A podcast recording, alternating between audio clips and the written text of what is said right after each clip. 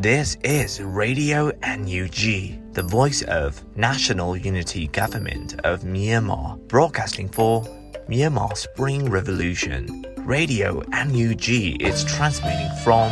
shortwave 16 meter 17.79 megahertz at 8:30 a.m. and 25 meter 11.94 megahertz at 8:30 p.m. Myanmar Standard Time. မင်္ဂလာပါခင်ဗျာ အမျိုးသားညီညွတ်ရေးအစိုးရရဲ့အတန်လွင့်ဌာန Radio NUG ကိုမနက်ပိုင်း၈နာရီခွဲမှာလိုင်းတို16မီတာ7.3 MHz ညပိုင်း၈နာရီခွဲမှာလိုင်းတို25မီတာ17.6 MHz တို့မှာဓာတ်ရိုက်ဖမ်းယူနားဆင်နိုင်ပါပြီ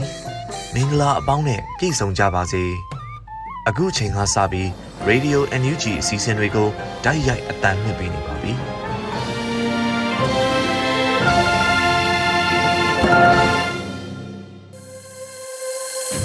မြန်မာနိုင်ငံသူနိုင်ငံသားအပေါင်းတဘာဝပေးဆရာနာရှင်ပြည်တို့ကနေကင်းဝေးပြီးကိုစိတ်နှပါဘေးကင်းလုံခြုံကြပါစေလို့ရေဒီယို NUG ဖွဲ့သားများကဆုတောင်းမေတ္တာပို့သလာရပါတယ်။အခုချိန်ကစပြီးရေဒီယို NUG ရဲ့ညပိုင်းစီစဉ်များကိုထုတ်လွှင့်ပေးတော့မှာဖြစ်ပါတယ်။ပထမဆုံးအနေနဲ့ပြည်တွင်းသတင်းများကိုတော့မျိုးဦးမောင်မှဖကြားတင်ပြပေးမှာဖြစ်ပါတယ်ရှင်။မင်္ဂလာပါခင်ဗျာ။အခုချိန်ကစပြီး Radio NUG ညပိုင်းသတင်းများကိုဖတ်ကြားတင်ပြပေးပါတော့မယ်။ အခုတင်ပြပေးမယ့်သတင်းတွေကတော့ Radio NUG သတင်းတာဝန်ခံတွေနဲ့ခိုင်လုံသောမိဖက်သတင်းရင်းမြစ်တွေမှအခြေခံထားတာဖြစ်ပါတယ်ကျွန်တော်ကတော့ຫນွေဦးမောင်ပါဟိုနားရွာနေအိမ်တစ်ခုမှာမပေါက်ကွဲသေးတဲ့လက်နက်ကြီးတစ်လုံးကျန်ရှိနေပောက်ကွဲတဲ့လက်နက်ကြီးတွေကြောင့်ဓမာယုံတစ်ခုအပါအဝင်နေအိမ်ဆယ်လုံးထပ်မံထိခိုက်ပျက်စီးရှမ်းပြည်နယ်မြောက်ပိုင်းနန်ခမ်းမြို့နယ်ဟိုနားကျေးရွာအုပ်စုနောင်ဆန့်ကုန်းထဲကနေအိမ်တစ်ခုမှာစစ်ကောင်စီကစခန်းတစ်ကုန်းဘက်မှပစ်ခတ်လိုက်တဲ့လက်နက်ကြီးနှလုံးမှာ တလုံးသာပောက်ကွဲပြီးတလုံးကမပောက်ကွဲသေးပဲအိမ်ရှိတစ်ခုမှာကျန်းရှိနေရလို့သိရပါတယ်။ပြီးခဲ့တဲ့ဇန်နဝါရီလ9ရက်ကတအောင်တက်မတော် TNL ကမြို့ပေါ်ကိုဝင်ရောက်လာပြီးတိုက်ပွဲမဖြစ်ပွားခင်မနက်ပိုင်းမှာစစ်ကောင်စီကရန်တမ်းပစ်ခတ်ခဲ့လို့ဓမာယုံတစ်ခုအပါအဝင်နေအိမ်ဆယ်လုံးထပ်မံထိခိုက်ပျက်စီးခဲ့တယ်လို့ဒေသခံတွေကဆိုပါတယ်။ဟိုနာကြီးရွာကန်တအူးကအဲ့ဒီမှာကြံနေတဲ့လက်နက်ကြီးကသူတို့အိမ်ရှိမှာစိုက်နေတာမနေ့ကစားပေးရေးချင်းမှုအဖွဲ့ကစားတွေလာထဲတာ သူတို့ကဘယ်သူမှသွားမထိသေးနဲ့ပြောတယ်ဘယ်သူမှတော့သွားမထိရသေးဘူးလို့ဆိုပါတယ်အဲ့ဒီနေ့မှာစစ်ကောင်စီကပြစ်ခတ်လိုက်တဲ့လက်နက်ကြီးဆဲလုံးထံမင်းရှိခဲ့ပြီးပန်ထုံလင်ကျေးရွာကဓမာယုံတစ်ခုအပါအဝင်ဟိုနားကရွာကန်တွေရဲ့နေအိမ်၃လုံးအမတ်တစ်ကောင်းတက်က၄လုံးနန်စရီရွာက၃လုံးထိခိုက်ပျက်စီးခဲ့တာလို့နောက်ထပ်ဒေသခံမျိုးသားတအူးကပြောပါတယ်။ဟိုနားရွာထဲမှာတော့ထိခိုက်မှုအများဆုံးဖြစ်တဲ့အိမ်တွေတော်တော်များများထိသွားတာအကြီးအကျယ်ထိခိုက်သွားတာတော့၃အိမ်ပေါ့ တခြားတော့ခေါမိုးတို့ထင်ရပေါက်ပြဲသွားတာမျိုးလောက်ပဲလို့ပြောပါတယ်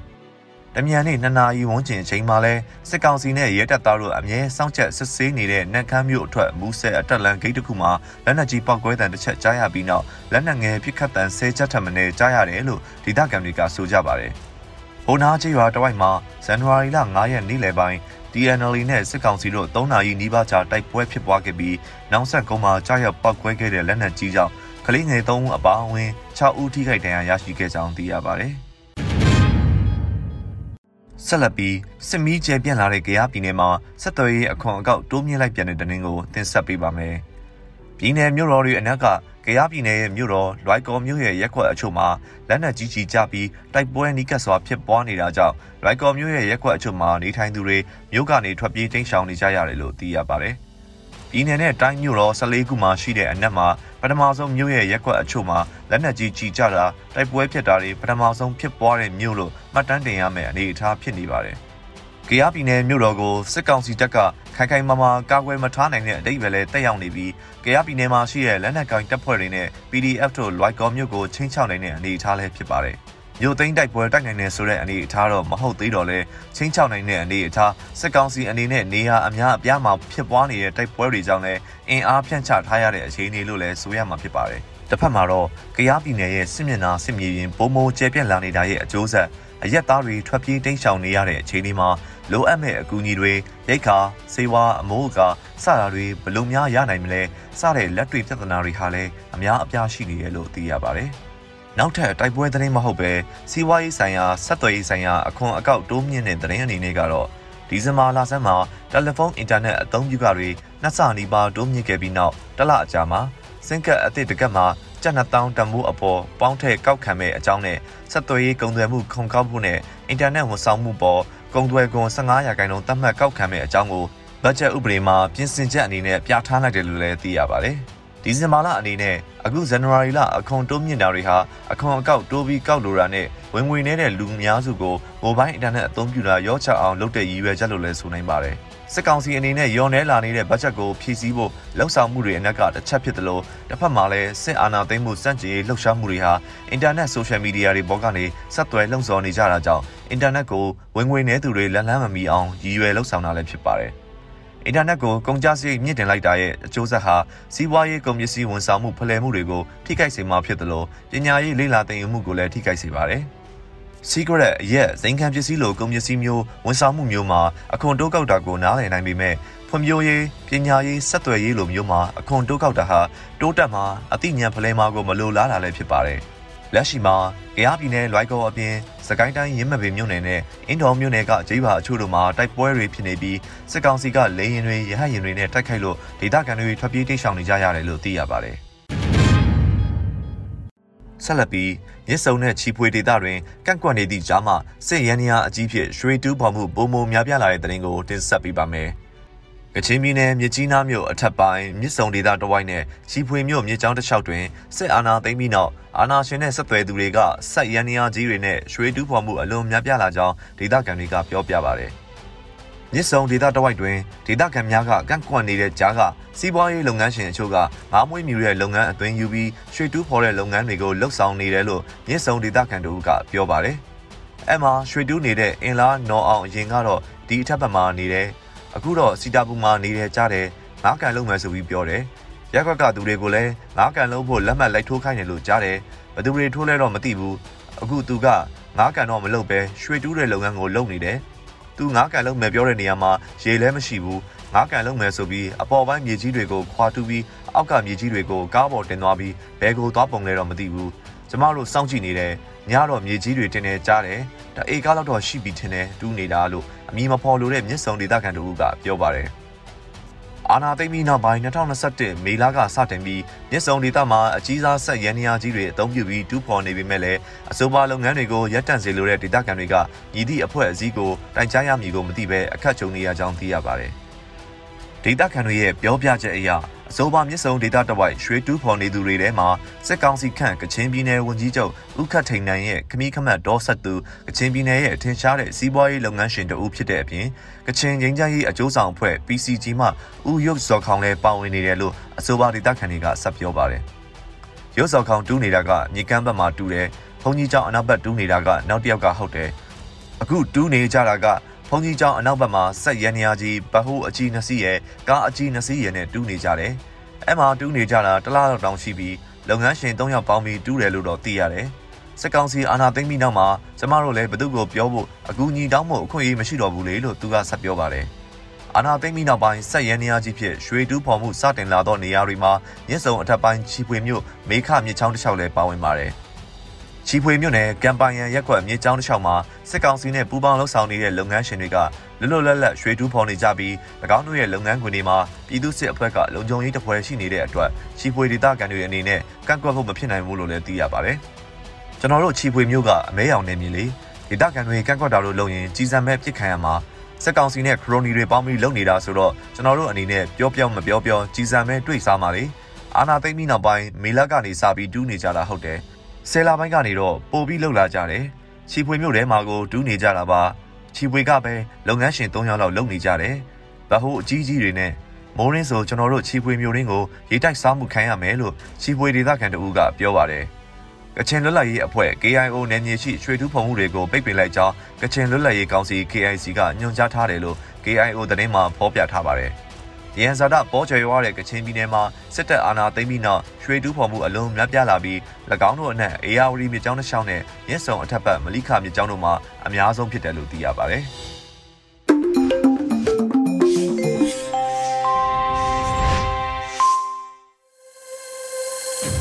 ရေဒီယိုအန်ယူဂျီမှာဆက်လက်တင်ပြနေပါတယ်။ အခုဆက်လက်ပြီးနားဆင်ကြရမှာကတော့အောင်နေမျိုးတင်ဆက်ထားတဲ့တက်ပြက်လူလူဖို့တက်ဖို့တယောစာအပိုင်း30ကိုနားဆင်ကြရတော့မှာဖြစ်ပါတယ်။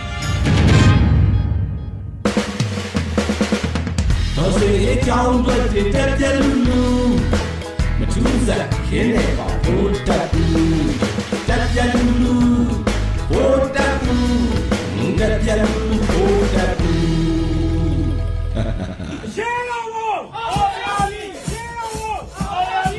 New Year ညမှာမြို့ကြီးတွေကပြည်သူတွေဟာ Happy New Year လို့អော်ရမယ်အစားအရေးတော်ပုံအောင်ရမယ်မင်းအောင်လိုက်မေးလို့ဆိုပြီးတော့ပွက်ပွက်ညံအောင်ကိုပဲကြွေးကြော်ခဲ့ကြတယ်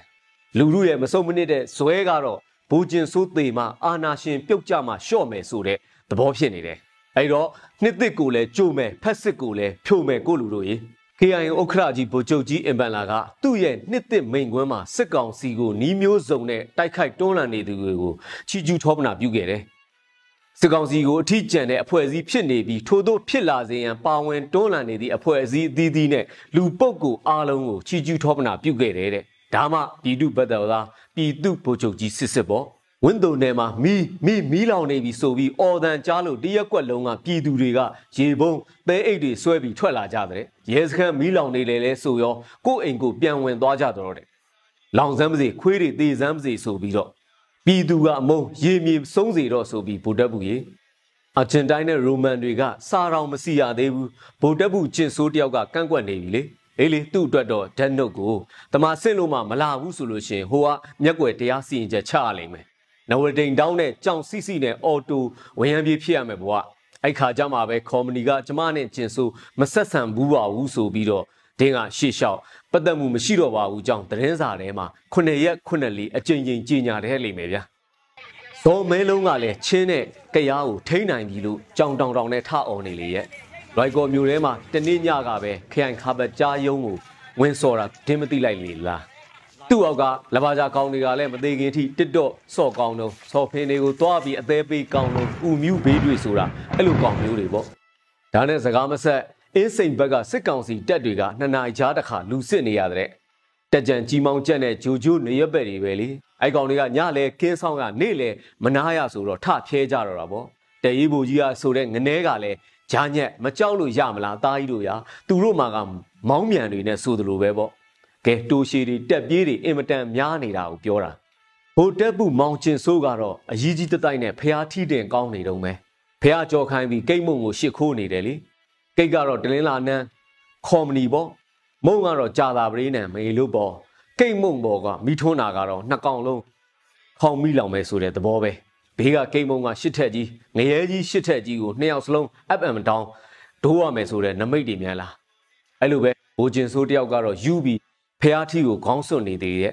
ကိတ်စီဒီနဲ့တာနာပြူတာတွေကိုမြင်ရတော့သူ့တငယ်တွေကစိတ်ညစ်နေရှာတော့မယ်ရှက်မယ်လဲထင်ပါတယ်ဝေးသေးတယ်ပေါ့ဘယ်စစ်တပ်ကတော့ စစ်စင်ရေးရှိပြီဟေ့ဆိုလို့ရှိရင်နောက်တန်းကမိန်းမတွေကမနက်တိုင်းခင်မွန်းကြီး10ပါးတင်ရဝါဆိုဆိုလို့ရှိရင်ပရိတ်ပထန်းရွတ်ရဘယ်လားပြင်းနေဆိုဘာရွတ်နေပြီးမအောင်မဟုတ်တော့ဘူးတရင်မှုအိမ်မှာဆိုလို့ရှိရင်ကျွန်ခံဖို့ကခြိတက်ရသေးတယ်ယောဂီထမိန်တော်မှာချွတ်ချိန်မရကြရဘူးရှေတန်းသွားငနွားတွေကလည်းကြီးကာအင်ကြီးထဲမှာတန်ပြားတော်မပါဘူးခဏခဏဂျမ်းဖြစ်နေတဲ့တနက်ဆုပ်တွေနဲ့ပါလာကတော့ကျွန်းနဲ့တန်လျက်ခါချိတ်ပဇောင်မှာအင်းပြားလိတ်ငုံတိမ်ဝင်ပတိလေပတ် လက်ကောက်ဝက်မှာမိုင်မုံဆရာတော်ရဲ့လက်ပတ်လက်မောင်းမှာကတော့အမိတ်ထမိန်စနားနဲ့ပတ်ပြီးတော့ဒါမျိုးရှည်တန်းထွက်နေကြရတာလေစတန်ဒတ်အာမီယာကောင်တွေကတော့ဘာညာတွေမတွေးဘူးအထက်ကတက်ဆိုတက်တက်ဆိုတက်ပဲပေါ့မနေ့စောကြီးဆိုလို့ရှိရင်ဥရောင်းမင်းဂါရာတက်စီရွနေ့လေဆိုလို့ရှိရင်ဇေယစကောအောင်ဂါရာပေါ့ဇလွန်ပြန်ဂါရာညကြည်ကွန်းဂါရာ24ပြည့်စီစီချအိတ်အစုံပလုံမှာပဲသူတို့ရဲ့အိယာဝင်ပုံမြင်တွေကလည်းစမ်းတယ် ကြာသွားတဲ့တပ်သားတွေကအချက်ပေးလို့ပေးတဲ့ရှေးခေတ်ကစစ်တပ်ကြီးရုတ်တရက်ပေါ်လာလို့တစ်ဖက်ရန်သူတွေပြေးရတာတို့တွေပေါ့တကယ်တမ်းတော့လူမစွမ်းနတ်မမလားဆိုပြီးတော့နတ်ကိုးမိတာပေါ့ကြောက်ချီးပန်းတာလည်းပါတာပဲခုကဇူကာဘက်ရဲ့ခေတ်နတ်ရောမူလီရောကတောင်တကုံကိုရောက်သွားပြီဘာမီအာမီရဲ့ဆေယာဆန်ခေတ်ကအယူဆတွေကဖားရွှေကျော်တိုက်ပွဲမှာပဲကြံခဲ့တော့တာပဲကရင်မှာယူနီဖောင်းချွတ်ပြီးပြေးရတဲ့အဖွဲ့တွေတဲကလည်းဖះဆောက်တွေတွေ့တဲ့ ဖះကိုခေါင်းစဉ်တက်ပြီးတော့ဘာလုံးလုံးတင့်တယ်တယ်ဆိုတဲ့အတွေးမျိုးနဲ့ရှိနေကြတာထင်ပါတယ်အာနာသိန်းရတာကလည်းဘာသာသာသနာအတွက်အဆိုပဲပေါတကေကရေရရာတွေခိုင်းတဲ့ဇီဇီဘွားကိုလည်းနားလည်မိပါရဲ့လူနာမျက်ဖြူစိုက်လေဆရာကြိုက်လေကိုဗျကျင်ဆိုးနာကခွာမရမှာတော့အမြန်သေးအောင်မြန်ကြောက်တွန်းနေတာလားမသိဘူးဇီဇီရုပ်ထွက်ကလည်းကြည့်လိုက်အောင်လေဆိုင်းအောင်တင်းနဲ့ဥကြောင်လုံးဆက်ထားတယ်လို့မျိုးဖြစ်နေပြီဗိုလ်တပ်ဘူးကျင်ဆိုးရဲ့နောက်လိုက်တွေကလည်းအဖြစ်ကတော်တော်ကိုစိုးလာနေပြီ ကြကန်ဆန်အိုးတိုးလိမလားဆိုတဲ့မျှော်လင့်ချက်နဲ့လိုက်တာနေရရှာတယ်နေသွားအပေါ်ကြည့်ညသွားအောက်ကြည့်နေနေရတဲ့မကြည့်လို့ရမလားအောက်ကမိုင်းနဲ့ဝေဟင်ကကျဲချမယ်ဒရုန်းကလာမယ်ဘုံတို့ကပါကြောက်နေရသေးရလေအဲ့တော့အန်ကယ်ဆန်းရဲ့ NDAA ကိုလည်းဝနဖောင်းမြင်ကလက်မခံမှုတွေစွတ်អော်နေလေရဲ့ဒုခံနေတာကတခြားဟာမြန်လားမသိဘူးကဲဒါတော့ထားတော့2021မှာပြည်သူအာဏာကိုစစ်မိတ်စာတွေရဲ့မတရားယူခြင်းကိုခံခဲ့ရပြီးပြီ 2021မှာတော့စစ်မိတ်စာတွေကိုအဆုံးသတ်ကြမယ်ပြည်သူအာဏာကိုပြည်သူစီကိုပြန်အပ်ကြမယ်ရေးတော့ပုံအောင်ကိုအောင်ရမယ်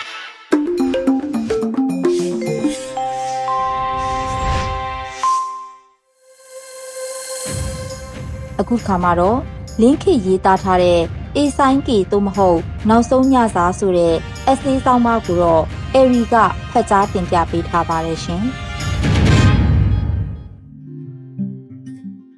အေဆိုင်ကီသို့မဟုတ်နောက်ဆုံးညစာစစ်တပ်ကအာဏာသိမ်းပြီးတိတ်မကြအာဏာရှင်ဆန့်ကျင်ရေးအလံတော်ကိုမြဲမြဲစုပ်ကင်ထားတဲ့သတင်းဌာနတွေပိတ်သိမ်းခံလိုက်ရတယ်။လုပ်ငန်းစဉ်အဆင့်ဆင့်ဖြတ်တန်းရတဲ့သတင်းစာကြတော့ကိုယ့်ဘာသာထွက်ချင်တယ်လို့ထွက်ဖို့ရမလွယ်တာမို့လုံးဝရန်နာလိုက်ရ။ online media တွေကြတော့လဲကိုနီကိုဟန်နဲ့ရှေ့ဆက်ကြတယ်ဆိုပေမဲ့လုံခြုံရေးအခြေအနေရရန်ကုန်အခြေစိုက်အဖြစ်ကိုစွန့်ရဟိုဘက်နေဆက်နဲ့ တိုင်းရင်းသားလက်နက်ကင်ဒေသတချို့စီစုပ်ရအလုတ်ဖြစ်တဲ့ဆိုယုံလူအင်အားလောက်နဲ့မြန်မြန်အထိုင်ကျနိုင်ရေးအတွက်စောကြွေးပြန်ကြရကိုဗစ်ကြောင့်လစာဖြတ်တောက်ခံရတဲ့မီဒီယာလောကသားအများစုဟာအာနာသိမ့်ပြီးတိတ်မကြဝင်ငွေတပြားမှမရှိတဲ့နေ့တွေကိုရင်ဆိုင်ခဲ့ရတယ်ပိုဆိုးတာကမီဒီယာဆိုရင်ကိုအညိုးကြီးလွန်လာတဲ့ဟိုငနေမင်းအောင်လိုင်ရဲ့စိတ်တစကြီးမှုကြောင့်လဲဘယ်နည်းအဖမ်းခံရမလဲဆိုတဲ့ညတွေနဲ့နပန်းလုံးရပြန်နေ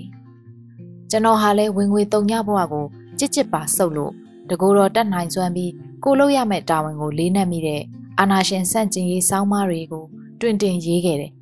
ရန်ဖန်ရန်ခါဆန္ဒရှိတဲ့နေ့တွေမှာလမ်းမပေါ်တက်ဆန္ဒပြပြတာကလွဲလို့အခန်းနဲ့တကုတ်ကုတ်နဲ့ကို့လုတ်ကိုလုံနေတာပါပဲကျွန်တော်မိတ်ဆွေတဦးကသူ့တငယ်ချင်းကျွန်တော်ကိုငုတ်တုတ်ထိုင်တောက်သုံးမကြနေတဲ့ဂျန်လီအဖြစ်သတ်မှတ်ကဖုံးဆက်လှမ်းဆဲတာခံရတယ် ကျွန်တော်ရေးနေတာရိတ်ဖန်းတန်ပန်သိသူတချို့ကစာမူကရဖို့ရေးနေတာလို့ငေါ့တာခံရတယ်တကယ်တော့အဲ့ဒီတုန်းကရေးတဲ့နိုင်ငံရေးစောင်းပါမှန်သမျှဟာအခမဲ့ကြီးပါပဲကိုရေးနေတဲ့သတင်းဌာနတွေကဘတ်ဂျက်မရှိလို့စာမူကမပေးနိုင်ဘူးလို့ဆိုတယ်ကိုတဝမ်းတစ်ခါအတွက်စာမူကရဖို့လိုနေပေမဲ့စာမူကမရတော့လဲဟောဒီຫນွေဦးတော်လန်ရေးတဲ့ငါတောင်ဝင်ငါယူရမယ်ဆိုတဲ့အတိအရကိုရေးချင်တာရေးပြီးကျေနပ်ခဲ့တယ်ဒါပေမဲ့ကိုရေးပေါ်ချင်းဆက်မိဆက်ရ စာမူကပေးတဲ့နေရာရှိရင်ပြောဖို့အပြန်အလှန်လက်တို့ကြတယ်တရက်အကိုစာရေးပေါ်တအူးကဖုံးဆက်တယ်ညီလေးဖက်ဒရယ်ဂျာနယ်မှာရေးမလားစာမူကပေးတယ်ဆိုလို့ပျော်ပျော်ကြီးခေါင်းငိမ့်လိုက်မိတယ်ဒါနဲ့ဖုန်းနံပါတ်တစ်ခုရောက်လာကြည့်လိုက်တော့အေဆိုင်ကေတဲ့အေဆိုင်ကေဆိုတော့ကြပြဆရာမန်းသိတယ်သူ့ကြပြခက်နေနေကျွန်တော်ဖတ်ခဲ့ဘူးတဲ့ပြီးတော့သူက Federal Journal ရဲ့ editor တဲ့အတန်နဲ့နဲ့ခက်ဝဲဝဲမှုတိုင်းရင်းသားမှန်လည်းမမေးပဲသိရတယ် စာမူပို့ပြီးရင်ပို့ပြီးတဲ့အကြောင်းသူ့စီလှမ်းပြောလိုက်တယ်စကားကိုတိတ်မလိုအပ်ဖဲချွေချွေတာတာသုံးတက်ကြတာချင်းတူလိုလားမသိကျွန်တော်တို့ကြားဆက်ဆံရေးမှာစာမူပို့လိုက်ပြီးနဲ့ဟုတ်ကဲ့ကလွယ်အပိုမရှိလမ်းမပေါ်ကစော်နဲ့တထောင်ထောင်တနက်ကြီးတကားကားနဲ့မူးရှိရန်ကားနေတဲ့ငနေတွေဂျိုးတကြွကြွနဲ့ခင်မှာ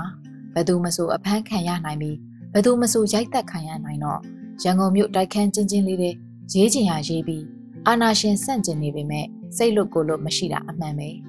ညနေရင်ပြည်သူကိုလူမထင်တဲ့ခြေတံပြင်းပြင်းတွေကိုနားဆွင့်ရတယ်အိမ်တကားဆွဲအဖွင့်အလွယ်တကူမြင်ရတဲ့စာအုပ်စင်ကိုမြင်ရင်ပဲခဏလိုက်ခဲ့ပါနဲ့တွေ့နိုင်တယ်ပြီးတော့ရက်ွက်ယုံစရေးဆိုသူကနှစ်ခါသုံးခါဘယ်မီဒီယာမှာလုပ်နေတယ်လဲလို့ခက်ရည်ရည်အမေးကြောင်လဲကို့အနာဂတ်ကိုစဝါကြည့်မိပဲကို့အိမ်ထဲကကို့ laptop မှာကကိုနေစဉ်ဘဝအာနာရှင်စန့်ကျင်ရေးစောင်းမတွေကအထုပ်နဲ့အထည်နဲ့မှုဖြုံရ ဒါနဲ့မိတ်ဆွေတချို့ရဲ့အကူအညီကြောင့်စိတ်လွတ်ကိုလွတ်ရေးချင်ရရေးဆိုတဲ့ကရင်ပြည်နယ်အစွန်ဖျားက၄ကီကောကိုထွက်ခဲ့ရပျော်သလားဆိုတော့လေဘယ်ပျော်ပါမလဲဒါပေမဲ့စိတ်လွတ်ကိုလွတ်ရေးချင်ရရေးနေရတော့စိတ်ချမ်းသာတာသေးကြတယ်အခုဘယ်ပြည်သူရဲ့အိမ်ကိုမှန်မှန်ငါအိမ်မဟုတ်ဘူးဆိုတဲ့စိတ်နဲ့ပြစ်ချင်တိုင်းပြစ်နေတဲ့လေးကီကောကအကြမ်းဖက်စစ်တပ်အမြောက်ကုန်းဆိုတာကျွန်တော်မနဲ့ညကျမ်းမာရေးလေ့ကျင့်ရာ view point ဆိုတဲ့တောင်ကုန်းနဲ့ကပ်ရက်နေရပါပဲ ပြီးတော့အခုအကျန်းဖက်စစ်တပ်ကဝင်စည်းထားတဲ့မဲဝါခီရွာဆိုတာလေးကေကောနဲ့မျက်နှာချင်းဆိုင်ကရွာကြီးတရွာလေးကေကောကနေမဲဝါခီရွာတဲ့ဝင်လန်း၃ပေါက်ရှိပြီးကျွန်တော်ကကားကင်းဖုန်ကင်းနဲ့အလဲလန်းကခပ်ပြင်းပြင်းလမ်းလျှောက်ဝင်ဖလူးဘက်သွားတဲ့ဟိုဘက်ထိပ်ရွာအစွန်အရောက်ဘယ်ဘက်မှာရောဘာဒေါနဲ့ညာဘက်မှာဖုန်ကြီးကျောင်းပြီးတော့ညာဘက်ကိုချိုးချလိုက်ရင်တိတ်ကိုလှတဲ့ဒေါ်လန်လေးဒေါ်လန်လေးဟာတိတ်တောဆန်လွန်းလှတော့လူသူအရောက်ပေါက်ကတယောက်လောက်မြင်ကန်ကောင်းပေါ့ လမ်းမေးဝဲရမကြီးမညာအနှိမ့်အမြင့်အလှပတွေနဲ့ခဝေးဝေးမြင်နိုင်တဲ့စိုက်ခင်းတွေကလည်းပေါ်များအဲ့ဒီဒေါ်လန်လေးတစ်လျှောက်အိမ်သုံးလုံးသာရှိတာမို့ဖုံမရှူရကားမရှောင်ရရာနှုံးပြိတောရတငင်းငီးတွေ့တွေ့လေးနဲ့တွတ်တွတ်လျှောက်လို့ကောင်းတဲ့နေရာမို့ညနေဆိုအဲ့ဒီဒေါ်လန်လေးအတိုင်းဖြူပွန်ရောက်တဲ့အထိကျွန်တော်ညနေခင်းဟာလှလို့ကျွန်တော်ရဲ့နေစဉ်ဘဝဟာ၄ကီကောမှာအသားတကြမင်းအောင်လိုက်တက်တွေက၄ကီကောတဲ့ဝင်စစ်တာမျိုးရှိတယ် လာစစ်တာကလည်း၄ကီကောအုပ်ချုပ်ရေးပိုင်းကညွှန်တဲ့ဒေသခံအိမ်ကြီးကိုဝင်အထက်ကိုတင်ပြဖို့ဓပုံလေးပါလေးရိုက်ပြီးရင်၄ကီကောအုပ်ချုပ်ရေးကကြွေးတာတွေစားပြီးပြန်သွားကြတာမို့စခတွေဝင်စစ်တဲ့အချိန်အပြင်းမထွက်ရင်လုံလောက်ပြီတဲ့အဲ့တော့ကျွန်တော်တို့အေးအေးစစ်စစ်လမ်းထိပ်မှာဖွင့်တာမကြသေးတဲ့အစုံရဆိုင်ရဲ့လက်ဖက်ရည်ကလည်းရန်ကုန်သားတို့အကြိုက်နှက်လက်ဖက်ရည်မို့အရသာတစ်မျိုးထပ်တိုးရအဲ့လိုအရသာတစ်မျိုးမျိုးနဲ့ငိမ့်ချမ်းညင်အောင်စောင်းနေတဲ့ငိမ့်ချမ်းမျိုးတစ်လေးလေးကီကော်တဲ့ ဒီဇင်ဘာလ23ရက်ဟာခြေတံပြင်းပြင်းနဲ့ရောက်လာတယ်။စခတွေအင်အားခက်များများနဲ့လေးကီကော်တဲ့ဝင်မှုလုံနေတယ်တဲ့။လေးကီကော်6ရက်ကွက်တဲ့စခတွေတအိမ်တက်ဆင်းဝင်မှွေတော့မယ်တဲ့။အဲ့လိုကောလာဟာလာလာတကယ်လားမကွဲပြားတဲ့ဘယုတ်ပြရဲ့နေ့မှာအေဆိုင်ကေနဲ့သူ့ဘော်တာစိုက်စိုက်မြိုက်မြိုက်ပဲရောက်လာတယ်။သူတို့မြောက်ရီရောက်ပြီလို့ဖုံးဆက်တဲ့အချိန်ဒီမှာကလည်းမရေမရာဖြစ်နေတဲ့9နာရီခွဲကျော်အချိန်ပထမမြောက်ရီမှာတညလောက်အိတ်ခိုင်းမလို့စဉ်းစားကြသည် ဒါပေမဲ့မြောက်ရီကတဲခုကန်းမှာတခုခုပြဿနာတက်ရင်ဘယ်နဲ့ဆိုတဲ့အတွေးနဲ့စခနဲ့ပြဿနာတက်နေတာကမြောက်ရီနဲ့ဆန့်ကျင်ဘက်၄ကီကောဟိုဘက်ထိပ်ဆိုင်ကယ်တက္ကစီသမားကလည်းပဟိကလော်ထိသူတို့ရောက်အောင်ပို့နိုင်တယ်ဆိုတော့အေဆိုင်ကေတို့တငယ်ချင်းကရအောင်သွားကြိုလိုက်တယ်ကျွန်တော်အေဆိုင်ကေကိုအခုမှမြင်ဘူးတော့တယ်။ကြပြဆရာတို့ထုံးစံရွဲကြနေတဲ့ကေအရှိကိုပုံမှန်စီးထားပြီးခက်ပြုံးပြုံးစကားဆိုတတ်သူသူရောက်တဲ့ညမှာပဲ6ရက်ကွက်ကနိုင်ငံရေးတင်းရှောင်းနေ သူတို့အိမ်တွေမှာစိတ်မချတော့ကျွန်တော်တို့စီရောက်လာအဲ့ဒီမှာမစုံနာကြပြီဖြစ်တဲ့သူတငယ်ချင်းတွေနဲ့ပြန်ဆုံလို့စံအရက်ခက်ပြင်းပြင်းနဲ့ညနက်ထီတိုင်းသူတို့တတွတ်တွတ်ဖွဲ့နေကြမနေ့ကမှသူတို့အတွက်အိမ်ငှားထားတာသိရတယ်သူဒီလဲရန်ကုန်မှာနေရခက်သူတို့တိုက်တန်းကသတင်းပေးတကောင်လားလာချောင်းတတော့ကိုဘဝကိုအာမခံဖို့မလွယ်တော့ဒါကြောင့်လေးကေကောမှာအထိုင်ချတိုင်းရင်းသားလက်နက်ကိုင်နဲ့ပြည်သူ့ကာကွယ်ရေးတပ်မတော်နဲ့ဒေတာရင်းသတင်းတွေရယူပြီးတော့သူကအစီအစဉ်တင်ဆက်သူအနေနဲ့ Zoom debate တွေစက်တိုက်လုပ်เสียရှိတယ်ဒီနေရာက Federal Channel ကိုကန်ရတာပို့အဆင်ပြေမယ်တဲ့14ရက်နေ့မနက်မှာသူရှေ့ဆက်မဲ့သူ့မနက်ဖြန်တွေကိုထုံးစံအတိုင်းခက်အေးအေးပြောပြတယ်သူပြောပြနေတဲ့အချိန်မှာစခါရီကလေးကေကောလမ်းမကြီးတစ်လျှောက် KNU လဲတောက်ကျူးဆိုင်စရာမလိုဘူးဆိုတဲ့အပေါက်နဲ့6ရက်ကွက်ထဲကိုဝင်သွားတယ်6ရက်ကွက်ထဲအဖမ်းဆီးတွေရှိနေပြီတဲ့နီးစပ်ရလေးကေကောအုပ်ချုပ်ရေးကိုလှမ်းဆက်ကြည့်တော့လေတံကမဟန်ဒါနဲ့တနိုင်အဝယ်စားတွေထိုးထက် ဖွင့်လိုက်တာနဲ့အထုပ်နဲ့အထည်နဲ့အမှုကြီးသွားနိုင်တဲ့ကိုလက်တော့ကိုထိုးထက်ပြီးတော့အိမ်ပိတ်ခြံပိတ်နီးစပ်ရကိုဗစ်စင်တာစီတုတ်တော့ရောက်တာနဲ့သတင်းတွေနဲ့တန်းတိုးတော့တာပဲတဲ့ကျွန်တော်တို့ရင်မောကြရကိုဗစ်စင်တာလောက်နဲ့မဟန်တော့တိတ်မနီးတဲ့နောက်တနေရာ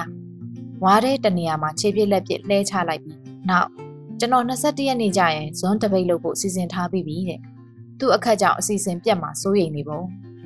စိတ်အေးလက်အေးဒီညတော့ဒိတ်ဒိတ်ကျဲအေးတွေနဲ့ ကိုရတော့မယ်လို့တွေးမိအောင်ရှိသေးလေးကေကောနဲ့ဝေးဝေးကနောက်တနေရာစီဆက်ရွှေ့ရမယ်ဆိုတော့ကြောဘုံအိတ်တွေရပြန်နေနောက်တနေရာကဝေးလဲဝေးအေးလဲအေးကိုလိုသူလိုဖုံနေနဲ့ဖွေးနေသူတွေကလည်းဖွေးဖွေးကိုလှုပ်လို့ကျွန်တော်တို့တွေကရင်ခြေတန်းရှည်အိမ်အောက်မြေကြီးပေါ်ယာယီရွက်ဖြင်တဲ့တလုံးမှာနှစ်ယောက်အိတ်စောင်းမရှိခေါင်းအောင်မရှိမနက်၄နာရီမထိုးခင်ခိုက်ခိုက်တုံမအိတ်နိုင်တော့လဲကြေးလက်ရိုးရမီးပုံပွဲကြီးကိုလက်စုံညီကျင်းပါလို့ နောက်တရက်ရောက်တော့စစ်ဘေးဒုက္ခတွေပိုများလာတယ်ဆက်ရှိရသားစစ်ဘေးဒုက္ခတွေကလေးငယ်နဲ့အသက်89နှစ်ရှိပြီဖြစ်တဲ့စစ်ဘေးဒုက္ခတွေအဖွားကိုမြင်လိုက်ရကျွန်တော်တို့တိတ်ဆိတ်ခဲ့ရမယုတ်သီးခက်ဆက်ဆက်နဲ့ထမင်းသုံးနဲ့ကျွေးတယ်နေရာထိုင်ခင်းအတွက်တောရှင်းကြဆိုတော့ကျွန်တော်တို့တတိုက်ချွေးထုတ်ခဲ့ကြတယ်နေ့လယ်ဆိုကျွန်တော်ကရဲဘော်လေးတွေစီကရတဲ့ဆရာတော်ရာဆွေရဲ့ကျွန်တော်ဘဝဆက်ကြောင်းနဲ့ညိတ်လို့သူကဆရာမကြီးခင်လင်းယူရဲ့ပြားရည်အိုင်းပြီးတော့ကိုယ့်ဘာသာ laptop ဖွင့်မှတ်တမ်းမှတ် မေးတယ်မေးနဲ့လေးကေကောပြန်ရအောင်ရေးလိုက်မယ်ဆိုတော့ကိုကိုယ်တိုင်စစ်ပေးဒုက္ခတွေနဲ့စစ်ပေးဒုက္ခတွေရဲ့ဘဝတွေအဲ့ဒီမှာ၄ရက်ကြာပြီးနောက်ချိန်ချိန်ခွင့်မရတဲ့ဘဝတွေနောက်တနေရာထပ်ရောက်ရပြန်တယ်မီးမရှိမီးထုံးခွင့်မရှိညမောင်နေဆိုရင်ပဲဖုံးသုံးခွင့်မရှိစခါရီလက်နက်ကြီးနဲ့ပြစ်ရင်အထိမှန်ရာဂိုင်နှုန်းနဲအောင်တစ်ပင်နေကြားကတောင်ဆောင်မှာရွက်ဖြင်တဲထိုးအိတ်ရပေါင်နေဆိုရင်ပဲရွက်ဖြင်တဲတဲ့ဝင်ကြရအဲ့မှာရဲဘော်လေးတအုပ်ကဒီညအတွက်ညစာတဲ့ နာနာကတ်လို့တိုးတိုးလေးလာပြောတဲ့ညစာကိုနာနာကတ်လို့တိုးတိုးလေးလက်ဆင့်ကမ်းကြအဲ့ဒီညစာကအေးဆိုင်ကီကိုလှုပ်ခတ်သွားပုံရတယ်နောက်နှစ်ရက်အကြာသူ့လူမှုကွန်ရက်ပေါ်သူနောက်ဆုံးရေးခဲ့တဲ့ညစာဆိုတဲ့ကြပြကိုဖတ်လိုက်ရတယ်ညစာအသက်လိုအရေးကြီးတဲ့တဆင့်စကားလေးတစ်လုံးမှာဘဝနဲ့ရှင်းပြီးစောင့်ရတယ်တကယ်ကိုတိုးတိုးတိတ်တိတ်လေးစောင့်ရတယ်အေးဆိုင်ကီ အဲ့ဒီညစာဟာကျွန်တော်တို့အတူဖြတ်ခဲ့တဲ့သူတွေပဲနားလည်နိုင်တဲ့ညစာမျိုးအေးဆိုင်ကီဟာသူ့ညစာဘလို့ညစာမျိုးလဲဆိုတာဘာကိုဘာမှမရှင်းပြကိုဘာသာခန်းစားခြင်းတယ်လို့ခန်းစားဆိုတဲ့ညစာအမျိုးအစား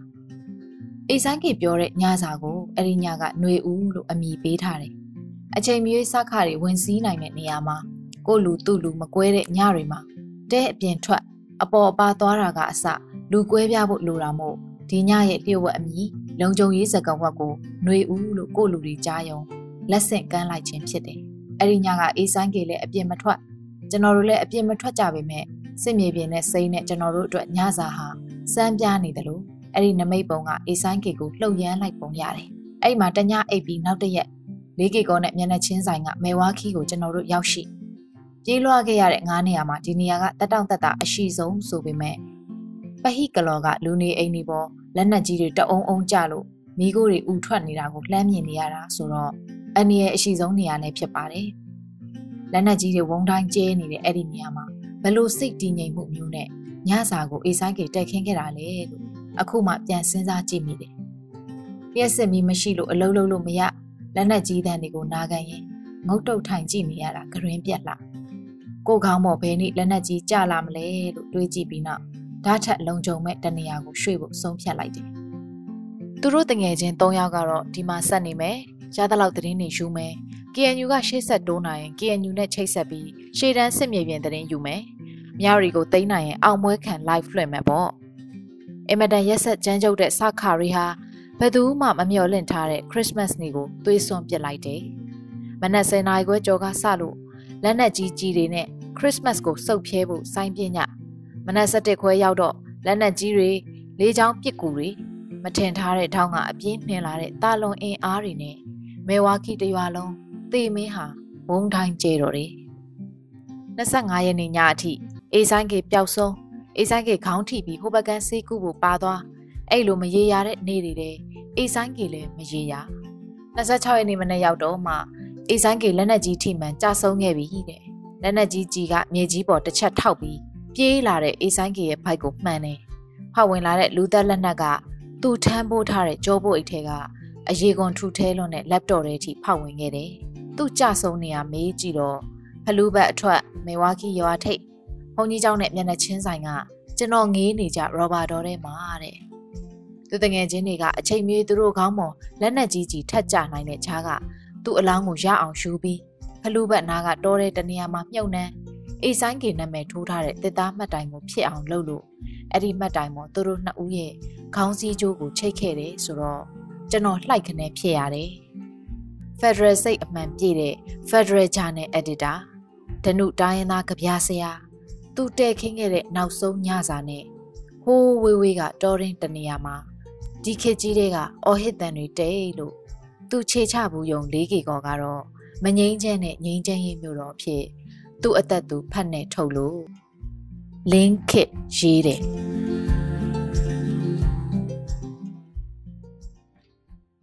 ဒီကနေ့ကတော့ဒီညနေပဲ Radio NUG ရဲ့အစည်းအဝေးကိုခਿੱတရနာလိုက်ပါမယ်မြန်မာစံတော်ချိန်မနက်၈နာရီခွဲနဲ့ည၈နာရီခွဲအချိန်တွေမှာပြန်လည်ဆုံးဖြတ်ကြပါစို့ Radio NUG ကိုမနက်ပိုင်း၈နာရီခွဲမှာလိုင်းဒို16မီတာစက္ကန့်တသမ9 MHz ညပိုင်း၈နာရီခွဲမှာလိုင်းဒို25မီတာ17သက်သမ6 MHz တို့မှာဓာတ်ရိုက်ဖမ်းယူနားဆင်နိုင်ပါပြီမြန်မာနိုင်ငံသူနိုင်ငံသားများကိုယ်စိတ်နှပြကျန်းမာချမ်းသာလို့ဘေးကင်းလုံခြုံကြပါစေလို့ Radio NUG အဖွဲ့သူအဖွဲ့သားများကဆုတောင်းလိုက်ရပါတယ်။အမျိုးသားညီညွတ်ရေးအစိုးရရဲ့စက်သွေးရေးတရင်အချက်အလက်နဲ့ဤပညာဝန်ကြီးဌာနကထုတ်လွှင့်နေတဲ့ Radio NUG ဖြစ်ပါတယ်။ San Francisco Bay Area အခြေစိုက်မြန်မာမိသားစုများနဲ့ နိုင်ငံတကာကစေတနာရှင်များလှုပ်အားပေးများရဲ့ Radio NUG ဖြစ်ပါတယ်